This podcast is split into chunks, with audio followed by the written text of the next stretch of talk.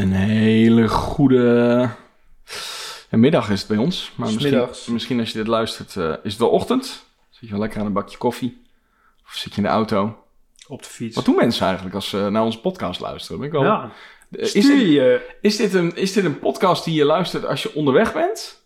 Of als je aan het sporten bent? Ik denk het eerste. Wat denken jullie? Ik maak daar zelf geen onderscheid in.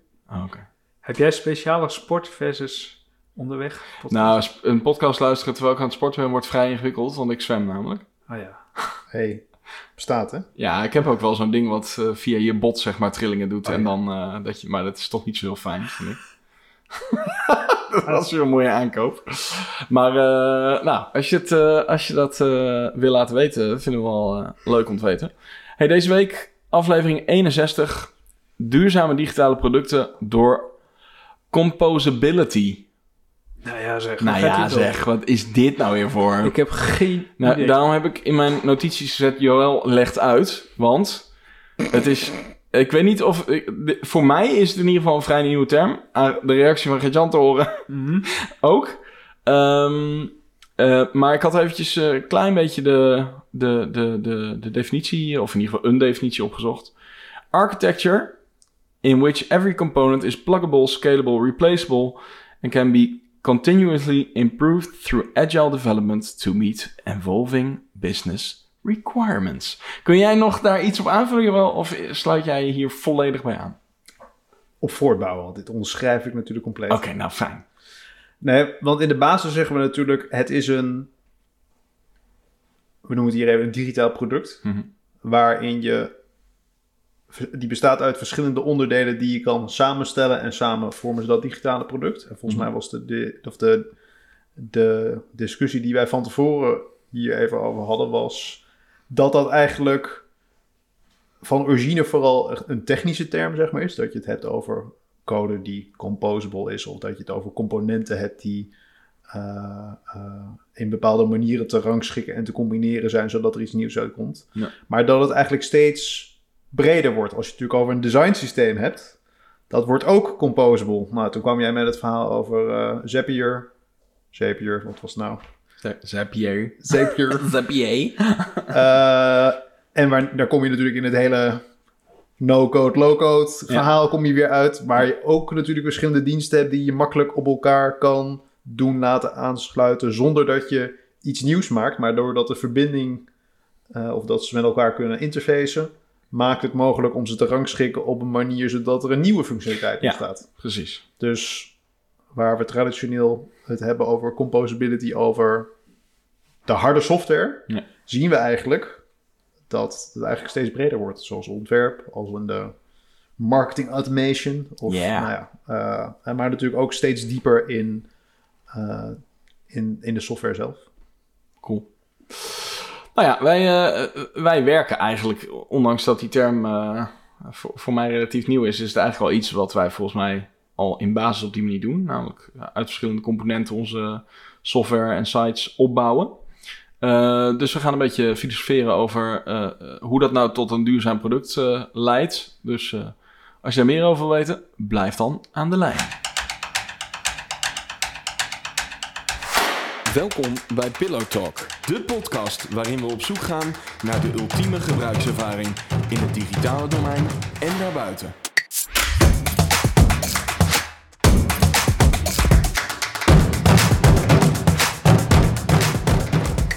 Eh, ik ben Milo van Brugge, mede-eigenaar en account director bij Pixpillow.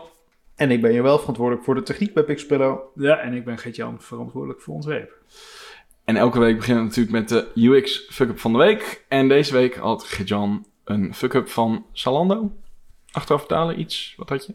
Ja, ik had, eh, ik had iets besteld ehm, op rekening. En dan kan je achteraf betalen. En als je het dan besluit te houden, moet je dat nog even doen. En dan denk je, ik ga naar mijn account en dan krijg je vast een ID-link. nou, eh. Not so much. Nee? Nee, dan moet je dus het gewoon over gaan schrijven. En dan moet je eh, het betalingskenmerk intypen, et cetera.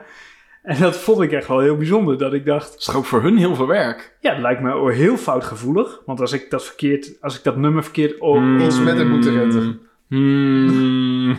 Wat? ja, daar zit het hem in.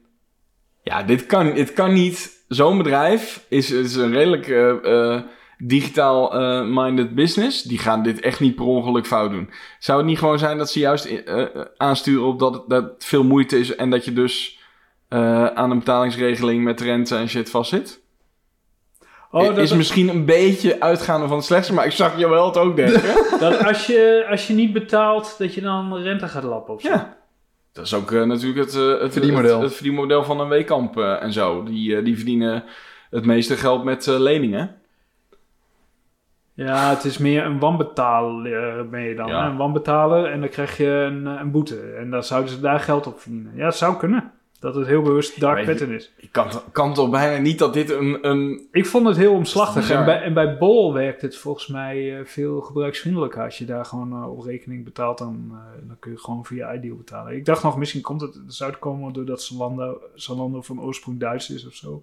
Ja, Maar- bedoel, het, zou, het zou natuurlijk ook kunnen dat het niet met een... Ik, ik, vond het heel, ik vond het heel irritant. Ja. Ik dacht, eh, dit schiet niet op. Maar goed. Ik ben, ik Het was ben- wel ook ontmoedigingsbeleid dat je de volgende keer weer gewoon even... Ja, maar dat zou ook kunnen, hè, dat ze liever willen dat je vooruit betaalt. En daardoor heel eh, gedoe maken dat je volgende keer denkt van ik betaal wel meteen. Dat Ja, zou ook kunnen. Dat zou het ook kunnen zijn. Maar Ja. het klinkt in ieder geval niet alsof, het, alsof ze het niet zouden kunnen oplossen. Het, het, het zit, lijkt mij wel een bewuste... Ja, le- leek mij ook. eh, dat je echt denkt, hè? Oké, interessant. Nou ja, goed dat. Oké, grappig. Maar ehm, ja, misschien weet iemand die luistert wel eh, eh, wat, wat, dit soort... eh, ja, wat, wat een reden kan zijn om Wat dit voor te doen. dark pattern hier nou weer aan de grondslag eh, ligt. Dus als je, als je bij Zalando werkt je zit in en een CRO. en je, en je weet waarom dit is, dan eh, laat het ons dan weten. Dan gaan we het de volgende keer niet in onze podcast eh, vertellen. Ehm, stuur ons even een mailtje als je een vraag, opmerking of ook een, eh, een vreselijke of juist geweldige gebruikservaring ergens hebt eh, meegemaakt die met ons wilt delen. Dat kan naar pillowtalk.pixelpillow.nl en vergeet ons niet voor op Instagram, op de gram, at pillowtalk, de podcast. Alright. Ehm, duurzame digitale producten door composability. Het is toch, het is gewoon überhaupt al een mooi woord, vind ik. Dat, dat is al reden genoeg om het er even goed over te hebben. Ehm, composability is perfect voor een wendbare organisatie. In die definitie staat natuurlijk. eh, ik weet niet waarom Joël nu in een hoekje aan het grijnzen is. Daar komen we vast zo achter. Maar wat mij er in ieder geval wel eh, in aanspreekt, is ehm, zowel in de variant waarbij je het vanuit een meer technisch eh, perspectief bekijkt. Dus dat je echt het, het zeg maar functionaliteit isoleert, waardoor je het eruit kan halen, kan vervangen, kan makkelijk in isolatie aan iets kan doorontwikkelen. Maar ook in ehm, de variant waarbij je verschillende tools aan elkaar knoopt. Eh, want ja, dat kun je misschien ook als, eh, toch als een soort composability zien. Mhm. Ehm, is natuurlijk het voor, grote voordeel, waarom nu ook eh, veel mensen met no-code bezig zijn, is dat je, dat je snel eh, kan bijsturen. Dat je een andere richting kan kiezen, Ja. Ehm, zonder dat je daar weer eh, helemaal terug moet naar de tekentafel. Is, is, dat, is dat, de belangrijkste, is dat het belangrijkste argument om, om op die manier te kunnen te willen werken? Nou, ik denk dat dat, dat, dat eh, het composable, zeg maar, dat maakt, dat maakt dat inderdaad mogelijk. Ik denk dat dat een hele goede, eh, een goed voorbeeld is. Ook omdat je kan zeggen dat dat, eh, dat, dat composable houdt natuurlijk ook een soort, nou ik wil niet zeggen vluchtigheid, maar is ook minder definitief. Ja. Bijvoorbeeld dan iets wat je één op één heel hard op elkaar integreert. In de zin van dat je een hele harde integratie met één betaalprovider of met. Maar als je daar natuurlijk over nadenkt, dan ben je natuurlijk veel beter in staat om eh, voor je ene betaalmethode met Adyen eh, te integreren en voor de andere met Molly bijvoorbeeld. Ja. Ik noem maar even dat soort dingen. Maar natuurlijk ook, je hoeft niet altijd je eigen bouwblokjes te gebruiken. Je kan ook inderdaad bestaande software er makkelijk aan hangen. En dat maakt natuurlijk mogelijk eh, om sneller te gaan, omdat je niet al je eigen systemen aan het onderhouden bent, maar dat je het eh, mogelijk maakt om te integreren met wat er ook al, eh, wat er allemaal bestaat. Dus ook een organisatie die ervoor kiest om een eigen API aan te bieden, wat natuurlijk voor anderen mogelijk maakt om te integreren. Ja. Maar ook organisaties die bijvoorbeeld in hun eigen tooling ervoor kiezen om nou ja, bijvoorbeeld dingen als webhooks te integreren, zodat zij juist weer kunnen integreren en zodat hun eigen interne teams makkelijker kunnen integreren met Ja. andere partijen. Dat werkt natuurlijk twee kanten op. Dus dan maak je het mogelijk eh, Ja. om voor jouw mensen intern de software ook in een, ja, eigenlijk te composen. En dat maakt het natuurlijk eh, minder afhankelijk van een technisch team of Ja. een product owner die iets moet gaan projecteren op een backlog.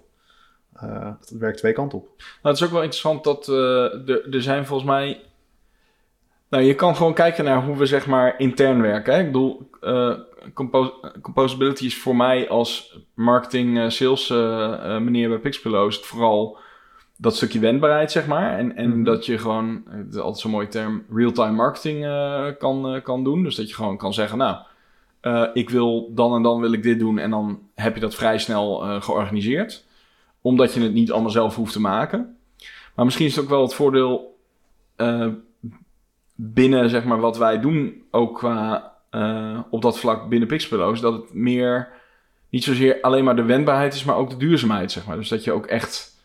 ehm, eh, eh, dat je, omdat je het isoleert, kan ik me ook voorstellen dat je makkelijker één dingetje kan vervangen. In plaats van dat je de hele applicatie of website moet eh, refactoren, zeg maar. Toch? Dat, is dat niet ook een voordeel daarvan? Dat het dus ook voor, dat je voor langere termijn aan iets kan doorbouwen? Of zeg ik dan iets geks? Nou, ik zit even te kijken wat daar de nuance in is. In de zin van, als je natuurlijk een heleboel kleine stukjes onderhoudt, dan is het makkelijker om één zo'n stukje natuurlijk te vervangen. Omdat Ja. je in principe minder... eh, omdat dat op, op dat je een heel gedefinieerde manier hebt hoe daarmee geïnteracteerd wordt. Het probleem is natuurlijk wel, als je één zo'n dingetje hebt, één zo'n centraal bouwblokje, en daar integreren 30 andere diensten, diensten op. En Ja. er verandert iets, of er moet iets veranderen in dat contract. Ja.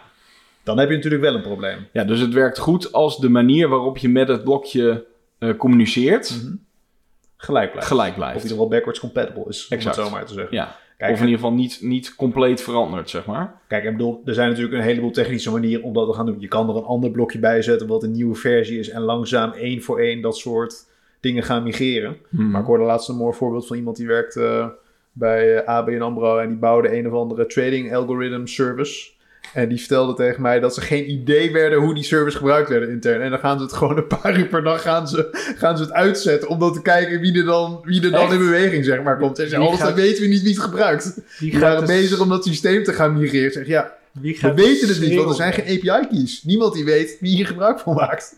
Dus dat vond ik dan wel vond ik dan even een mooi, eh, een mooi voorbeeld over hoe, hoe composability dan eh, werkt. Dat is een prima manier, volgens mij. Ja, nou ja, dat hangt er een beetje vanaf wat, wat het met de inkomsten eh, Ja, ja, ja. van zo'n organisatie We hadden laatst een eh, mooi voorbeeld van een eh, klant die, eh, waar wij een design systeem voor gemaakt hadden. En die deployde elke nacht Oh ja? de- deployde die een nieuwe versie van de website, maar die keek niet of die goed bij ons design systeem kon komen. En zelfs als, de, als de, oh, nou ja, ons design systeem offline was, werd de website opnieuw gedeployed. En toen ging de website plat, omdat ons design systeem verplaatst was. Ja. Ah, ja. Ja, Ja, ik zei al tegen je wel, dat, dat zeg maar, het zit hem een beetje al in de, in de term dependency. Als je ergens van afhankelijk bent, dan moet je natuurlijk wel even checken of het ook goed gaat. Ja. Dus dat is dan wel, nou dat is misschien een mooi bruggetje naar de, naar de volgende. Jij zei net al een beetje, nou, ik zal de stelling eerst voorlezen. Een composable applicatie vergt meer onderhoud eh, door die afhankelijkheden, zeg maar. Ehm, is dat dan per definitie een van de nadelen van het samenstellen van software eh, uit, nou ja, of dat nou externe tooling is of maar in ieder geval, dat je met verschillende API's of eh, tools moet praten om de werking van jouw eigen software te kunnen. nou ik denk dat je het bijvoorbeeld moet gaan, eh, als je bijvoorbeeld weer terughaalt naar een ontwerpsysteem of naar een Mhm. component library of iets in die richting. Er, er is altijd overhead in het zelf opzetten van zo'n component library. En ook het vervolgens toevoegen van die nieuwe elementen aan zo'n component library kost meer effort dan wanneer je dat gewoon in, in de applicatie zelf zou gaan doen. Het wordt natuurlijk pas interessant als je twee, drie applicaties hebt die al die patronen daaruit gaan putten. Want dan krijg je natuurlijk een soort multiplier effect. Ja. Er zit, dus er zit een soort, soort break-even point, point, point in van waar wordt dat interessant. Want ik merk ook bij eh, in design, met de, als je in een systeem bezig bent, ja, iets bulletproof maken kost wel veel meer tijd dan een one-off. Zeg Ja. maar one-off, dan weet je, oh, hij moet hier dit doen, klaar. Maar, maar als je alle scenario's van hij moet hier dit doen en in die context dat, dan, ja, dan Maar- is het toch veel meer werk. Dat is wel interessant, want dan lost dus, zeg maar, eh, of dan is in, ik, kijk, mijn referentiekader is of je doet het, zeg maar, in, ziet het als bouwblokken van software, even plat gezegd, of je ziet het als marketing tools die aan elkaar knopen. Dat zijn een beetje de twee situaties die ik ken als, eh, eh, met, met Composability als voorbeeld. Maar je, bij, bij dat marketingstuk is juist het, eh, het gebrek aan schaalgrootte de reden waarom ik dat wil doen. Ehm, Ja, maar daar, bouw je dus geen, daar ga je, maak je gebruik van externe... Ja, oké, maar ja, zeg maar. je klikt wel natuurlijk. het- De, de flow die ik zeg maar bouw met verschillende tools, maakt wel een soort unieke toepassing eh, voor, voor Pixelpillow. Ja, maar Ja. iemand anders heeft dan het systeem eh, natuurlijk. Ja, Nee, maar ik bedoel, dan outsource je eigenlijk zeg maar de development effort. En dat is natuurlijk heel mooi. Dat Ja. is natuurlijk zeg maar ultiem. Dat maakt het mogelijk om eh, nou ja, te experimenteren. Maar dat komt wel weer in, eh, op een, eh, op een trade-off in de zin van... eh, nou, ja, waar, wat ik wel een van de veel, veel voorkomende ja, pro- problemen zie terugkomen... bijvoorbeeld in de no-code, low-code omgeving. Versiebeheer, ja, ja. ja. eh, staging-omgevingen, geautomatiseerde tests, meerdere gebruikers die ergens wijzigingen op doorvoeren. Kijk, en dat is natuurlijk in de experiment experimentatiefase is dat natuurlijk allemaal geen probleem. Alleen of bij zou- de one-offs. of bij de one-offs. Alleen ik vraag me wel af, als je dat soort dingen niet kan coveren, eh, hoe, je, hoe je daar, ehm, nou ja, als, als je zeg maar wel 20.000 transacties er per ja. eh, per dag doorheen gaat jassen. En hoe ga je dan nadenken over je Ja. data integrity en over je privacy? En dan is het misschien juist in dat, in dat exploratie, experimentatie gedeelte, is het juist heel, heel, eh, heel goed. En op het moment dat je een MVP hebt of je hebt bewezen dat deze route werkt, ik ben dan nog steeds van mening dat je dan moet kiezen om in ieder geval de meest gevoelige punten toch wel in-house moeten gaan, of te gaan Ja. halen. Of in Ja. ieder geval naar een dienst gaat halen die, ehm, nou ja, die, die dat soort dingen wel mogelijk maakt. In plaats van dat je een zeepier gebruikt, kan, jij, kan er prima intern in een half dagje een webhoek aanroepen. Bedoel, Dat, is, dat is gewoon niet zeg maar de development effort. En dan win je wel een heleboel andere dingen. Ja, dat, dat, daar ben ik het ook wel, helemaal- ja, daar ben ik het wel mee eens. Ik, ik, ik bedoel, ik zie hier natuurlijk in mijn omgeving ook wel eh, bedrijven die steeds meer met het no-code eh, verhaal bezig zijn. En dan zie ik dat ze Airtable, Zapier, eh, pff, ik veel allemaal andere tools nog weer aan elkaar knopen. En ik denk dan inderdaad alleen maar, ja, als er nu één van die tools een half dagje uit ligt, dan is gewoon, gewoon je, je business ligt gewoon plat. Ja, maar ik bedoel, ik weet nog niet zozeer of dat... Bedoel, dat is natuurlijk ook een probleem. Maar dat, heb je, dat kan je natuurlijk ook over AWS zeggen. Als die er eh, een half dagje uit ligt, ben je ook eh, de pisang. Ja, Maar ik ook. zie het vooral als een wijziging die ergens gemaakt Precies. wordt. En dat je niet doorhebt dat die wijziging is gebeurd. Ja. Ik bedoel, dat gebeurt net zo goed in normale code. Alleen dan kan je... Wij kunnen wel nagaan dat die wijziging is gebeurd. Ja. Ja. Exact, ja. Nee, maar goed, dat is inderdaad... Het is meer gewoon dat, het risico dat er een van de schakeltjes ergens gewoon... zonder dat je ergens hebt, eh, wordt verbroken... is Mhm. gewoon inderdaad eh, veel minder inzichtelijk. Dat is wel echt een... eh, En inderdaad, ja, als je dan gewoon een medewerker hebt... die als een soort van back-office Airtable gebruikt... en dat is ook de directe koppeling naar je website... Nou, Nou, maar misschien is dat dependencies wel het ker- kernwoord. Je stapelt dependencies. Mhm. En, ehm, en dat is wel risicovol natuurlijk. Ja, maar vooral omdat je niet inzichtelijk hebt wat Nee. er allemaal gebeurt. Kijk, eh, het is, het is inderdaad misschien niet zo erg dat je ergens van afhankelijk bent. Maar het is, het is wel tamelijk tricky dat als er ergens iets omvalt, je niet direct weet, eh, kan herleiden waar dat aan ligt, zeg maar. Ja, of veel te laat merkt dat het omvalt. Nou, ja, Ja. ik bedoel, wij, we zien het letterlijk bij klanten gebeuren die eh, dat ergens een creditcard expired en dat dan vervolgens zes, zes weken zeg maar dat er gewoon een stuk software niet gebruikt wordt. Ja, Ja, ja. dat is best wel een probleem. Grappig. Oké, maar ehm, eh, de- ik zit even te denken, hebben we dan... Ja, dan zijn we bij de derde stelling. Ehm, Mag ik nog één ding ja, over natuurlijk zeggen? mag dat. Jawel. Waarde collega. Ook als, je, als we dan nog even teruggaan naar dat component library en over design systemen. Mhm. Daar, dat vereist ook nog steeds een hele hoge mate van discipline vanuit zowel frontend als van ontwerp om Hmm. wildgroei tegen te gaan. Want als er natuurlijk één keer eenmaal troep in het design systeem zeg maar zit en in de component library, Ja. dan kost het meestal drie keer de effort om het er weer uit te krijgen. Ja. Dus Ja, en, en daarvan hebben we dus ook wel gezegd dat de, de, ehm, de discipline moet je organiseren, vind ik. Want ja, ik geloof gewoon niet in discipline. Nee, ik, ik ook niet. Bij mij moet je het sowieso organiseren, want ik heb het sowieso niet. De, dus, dus je kunt dan beter één keer in de zoveel tijd onderhoud inplannen of, Ja. of opschonen en dat met grote regelmaat doen, zodat het niet te ver uit de klauwen loopt. Want discipline, eh, ja, dat is heel risicovol om op te varen. Want als iemand moe is of zijn dag niet heeft of een snoeiharde deadline heeft, dan denkt hij, nou, neem je toch even een shortcut. Want Maar- dat komt me nu wel even beter uit. Maar ik bedoel, daar kan je inderdaad op. Dat is, dat is eigenlijk retroactief, zeg maar, wat jij zegt. Dus Ja. dat is onderhoud achteraf. Maar Ja. ik vind, er is een heel mooi voorbeeld uit de, eh, uit de techniekhoek hier, waarbij eh, dat gaat over eh, twee programmeertalen, over Python en Node.js. Ja? En wat je daar een heel mooi ehm, verschil in filosofie is, dat je Python is al een wat relatief oudere programmeertaal. En die hebben een hele grote zogenoemde standard library. Dus je hebt een programmeertaal, daar staan ifjes, else's, variabelen, eh, lijstjes, die zitten daarin.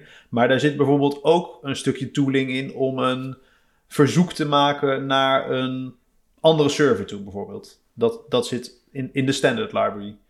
In eh, Node.js hebben ze ervoor gekozen dat de ontwikkeling van dat soort onderdelen die in de standard library zitten, om die zo veel mogelijk uit de core te halen, uit de programmeertaal zelf. En dat mensen heel makkelijk dat soort dingen bij kunnen, eh, Hmm. bij kunnen, ehm, eh, eh, bij kunnen downloaden, of bij kunnen installeren. Ja. En heel soms, als ze inderdaad zien dat de gemeenschap standaardiseert op één ding, dan brengen ze dat concept naar De het core. design systeem, zeg maar, om het zo maar te zeggen.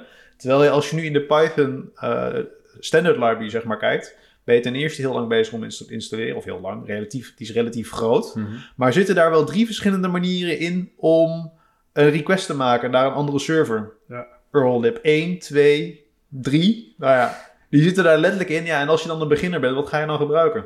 ja. Daar is dus heel duidelijk een verschil in filosofie over wat ze zeg maar doen. en, en dat zie jij als wildgroei. Nou ja, kijk, eh, bij Node.js hebben ze ervoor gekozen dat alle ontwikkeling die, die, die doet, eh, die vindt plaats in userland, noemen ze dat. Dat Ja. wordt gewoon door een gebruiker zelf gedaan.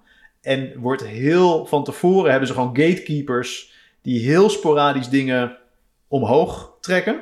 Ja. Terwijl bij Python is dat, ehm, eh, is, is dat heel anders. Daar laten ze veel makkelijker dingen dus in de standard library toe. Ja.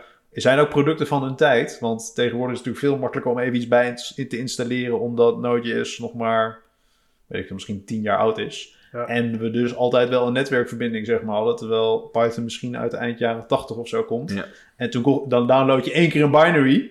Ja. En dan heb je vervolgens even geen eh, netwerkverbinding zeg maar moet je meer. wel even door kunnen, ja. Maar het is natuurlijk het verschil tussen continu onderhoud plegen of een hele go- goede gatekeeper zijn en zorgen dat er geen troep in Het komt. verbaast me wel dat, anders, dat er dan drie van de libraries zijn. Dan zou je toch ook op een gegeven moment kunnen zeggen... dit is vanaf nu voor, zeg maar... als jij dan nog dat wil gebruiken... dan moet je de versie dit van Python gebruiken. En Ja. vanaf nu gaan we gewoon... versie 3 wordt gewoon de standaard. Ja. Maar dat doen ze dus niet. Nou ja, dat, eh, dat, dat doen ze wel in bepaalde mate. Alleen dat voorkomt natuurlijk dat mensen bijvoorbeeld... Je hebt heel lang heb je twee versies van Python die naast elkaar draaiden. Python 3 en 2.7, 2.8. Daar had je letterlijk een soort tweedeling. Had je eigenlijk een soort een fork. Had je, de ene groep deed Python 3 en de andere deed Python 2. Ja. Omdat mensen niet al die dependencies wilden upgraden. Ze wilden wel een veiliger systeem. Alleen ze konden niet omdat ze te veel software op die oude URL URL-lib hadden. Ja. Ja. Dus ja, dat is zeg maar... Dus Node, Node heeft iets meer dat ehm composability eh, verhaal in hun filosofie, zeg maar, eh, Ja. zitten. Ja. Oké, cool. Ehm, is, gaat de, de, is de, de, de derde stelling is toekomstige digitale producten worden als Lego in elkaar gezet? Nou, wij maken, hebben best wel vaak de analogie van de, de blokkendoos, de, bouw, de bouwsteentjes. Nou, Gert-Jan had laatst volgens mij, ik kon het bericht niet meer vinden, maar iets over Lego eh, in, in deze context. Lego en Playmobil. Ja. Ja, Lego versus Playmobil, ja. Wat, wat was dat ook weer? Heeft het, Ah, kijk, kijk, ik zie Lego een beetje als... eh, Ehm, daar hebben we het laatst over gehad volgens mij. Als je, als je heel erg eh, multi-usable componenten eh, wil maken, dan worden ze ook generieker. Ja. Dus, eh, hebben ze, dat- linkt wel weer aan de, aan de vorige podcast Mhm. met, met dat het Van dan, vorige week, ja. van vorige week, dat het dan minder... Twee weken geleden. Ja, ik bedoel twee van weken twee weken geleden, dat, dat het dan minder detail heeft, omdat het multi-inzetbaar moest zijn. Ja. En dat zie je mooi. Ik had zo'n Volkswagen van, die heeft Lego en die heeft Playmobil ook. Die van Playmobil is veel gedetailleerder. Eh, maar die van Lego kan je ook iets anders van maken. Ja, ja, ja, ja. ja. Dus Ja. dat is een beetje, kijk bij die designsystemen, daar kan je natuurlijk alle kanten mee op. Het is heel flexibel. Maar daardoor ook minder eh, specifiek op zijn specifieke functie afgestemd. Ja. Dus ik denk, eh, als de stelling is toekomstige digitale producten worden als Lego in elkaar gezet.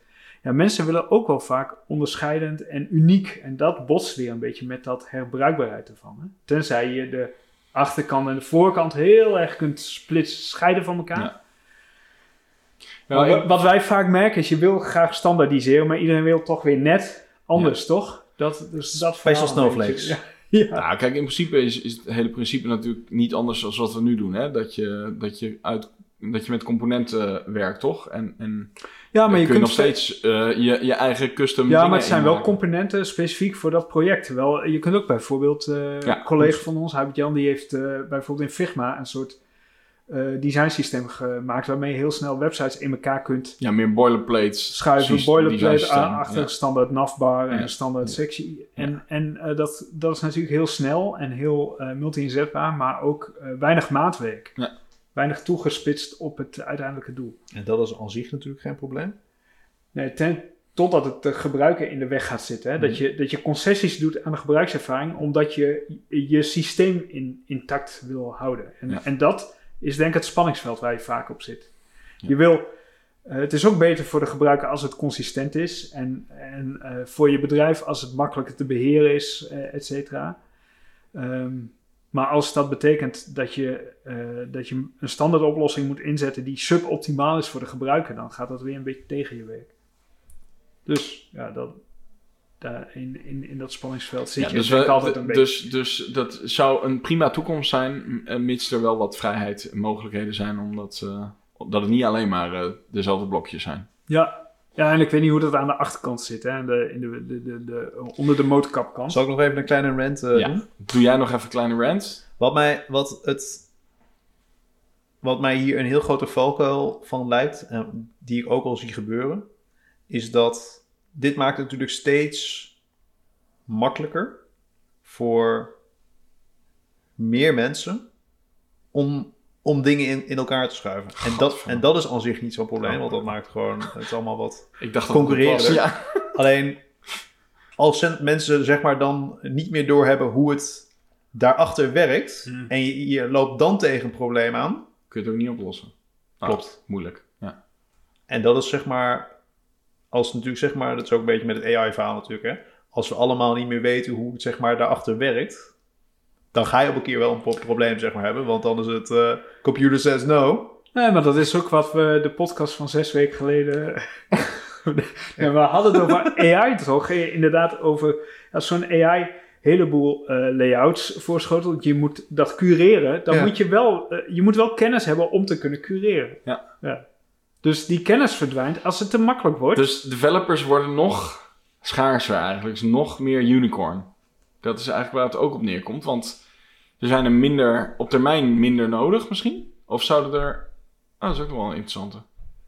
Weet ik, ja, nou, ik, Nou, in, ieder geval, Ja, in ieder geval is het zo dat ehm, ja, die, die, die basiskennis van de fundamentals, Ja. denk ik, daar moet je wel echt voor oppassen dat dat niet verdwijnt. Ik weet niet hoe dat in opleidingen nu zit, maar als je, ik heb daar helemaal geen verstand van, maar .NET en zo, dat is toch ook een beetje zo dingen in elkaar. nou, dat, dat, Dat- zou, dat, zou, dat, eh, Chargeer ik nu je Of is dat. SharePoint? Nee, ik, ik, ja, nee ik, ik denk meer zeg maar even eh, zonder grappen alle Salesforce consultants zeg maar die, eh, eh, die, die, die, die er rondlopen op deze wereld komen meestal niet per se vanuit een eh, hoek waar bijvoorbeeld het an- analytisch denken voorop staat. En dat is heel fijn, Want dan kunnen ze wat makkelijker met de marketeers en met alle businessmensen zeg maar praten. Ja. Maar als dat wel moet aansluiten op een systeem wat niet zo denkt, Mhm. dan kost mij dat heel veel tijd. Ja. ja. En als het dan een probleem is, dan zijn ze niet... Mij niet bellen. en daar willen we graag mee afronden. Nee, maar eh, zonder, zonder gekheid. En dat is natuurlijk niet problematisch totdat je zeg maar wel een keer een laagje Ja. moet. Of dat je wel een intersection hebt met iets wat dan niet precies op dit pakket Hmm. aansluit. Dat je wel een zeepje met, eh, weet ik veel, webhooks ertussen moet zetten. En dat je dan niet weet wat een webhook is. Ja. ja. Dat is moeilijk uitleggen op het moment dat je niet weet hoe iets dan met moet je, elkaar moet je communiceert. een, een behoorlijk stukje basiskennis eh eh, Ja. eerst, eerst gaan bijbrengen. Nee. Eh, eh, Het doet me trouwens denken aan, eh, aan een verhaal van een, eh, een vriend van me die werkt nu bij de IND. En, daar en daar is een applicatie in beheer. En die, en die is gebouwd door een, eh, iemand van 67 en die heeft zijn eigen mailserver erin gebouwd, schijnt. Want eh, Als ja, in- dat was veel beter. Maar als in een eigen mailserver die ook op zijn zolder draait. Ja, dat weet ik niet. In de meterkast. ja. Maar, maar ja, dat vind ik dan wel interessant. Ja. Dat, we- nou, al- alles zelf doen. Want dan snap ik tenminste hoe het werkt. Ja, dan hou ik in ieder geval werk. Ja. Ja. Ja, maar je had wel gewoon... Op dit vlak had je gewoon hele... eh, nou ja, zeg eh, 15 jaar geleden had je hele... Of 15, 20 jaar geleden had je hele mooie concepten over. Dat noemen ze dan service-oriented architectures. Waar je dan... Het concept heet dan service discovery. En dan meldde je je service intern zeg maar aan van... Ik ben een mailserver. En dan was het idee van... Oh, dan grijpen ze automatisch in elkaar. En dan gaat het werken. En dan haal je de ene service weg en de andere erbij. En dat was dan... Dat noemden ze ook echt inderdaad orchestration. Dat was dan service orchestration. En dan eh, eh, een composable service. Dus daar was dan het hele summum van dat dingen automatisch op elkaar gaan interfacen. En dat het dan allemaal werkte. Klinkt wel Oh nee, Het klinkt heel mooi. Het klinkt heel mooi. Ja. mooi concept. Maar ik, weet- ik weet nog dat ik daar kwam ik bij mijn afstudeerbegeleider kwam ik daarbij en ik zei, nee, mag je geen onderwerp over schrijven. Daar mag je geen scriptje over schrijven. die, die zag dat al. eh, Nee, die, die, die was, zag erbij al hangen. die, die zag gewoon dat dat was een mooi idee. Maar in Ja. die mate is het in ieder geval niet gelukt, Nee, zeg nee, maar. nee, nee. Misschien wel omdat jij er uiteindelijk niks over mocht eh, schrijven. Praktijk is weer dat, barst. eh, was toen al een... eh, was al Het was al in de zaak. downward. eh, Oké. Oké jongens, zullen we, zullen we afronden of wil, eh, wil iemand er nog iets over kwijt? No. Oké. Hey, ehm, als je dit zit te luisteren en je bent met dit onderwerp bezig, dan eh, zijn we natuurlijk benieuwd wat jij daarvan vindt. Ehm, ben je er überhaupt mee bezig? Is het een ding of eh, vind je het maar onzin? Eh, stuur ons een berichtje. Pillowtalk.pixelpillow.nl of een DM'tje op Instagram, at pillowtalkpodcast. En als je ons daar volgt, blijf je op de hoogte van nieuwe afleveringen. Ehm, tot, eh, tot de volgende aflevering. Doei doei. Doei doei. Hoi.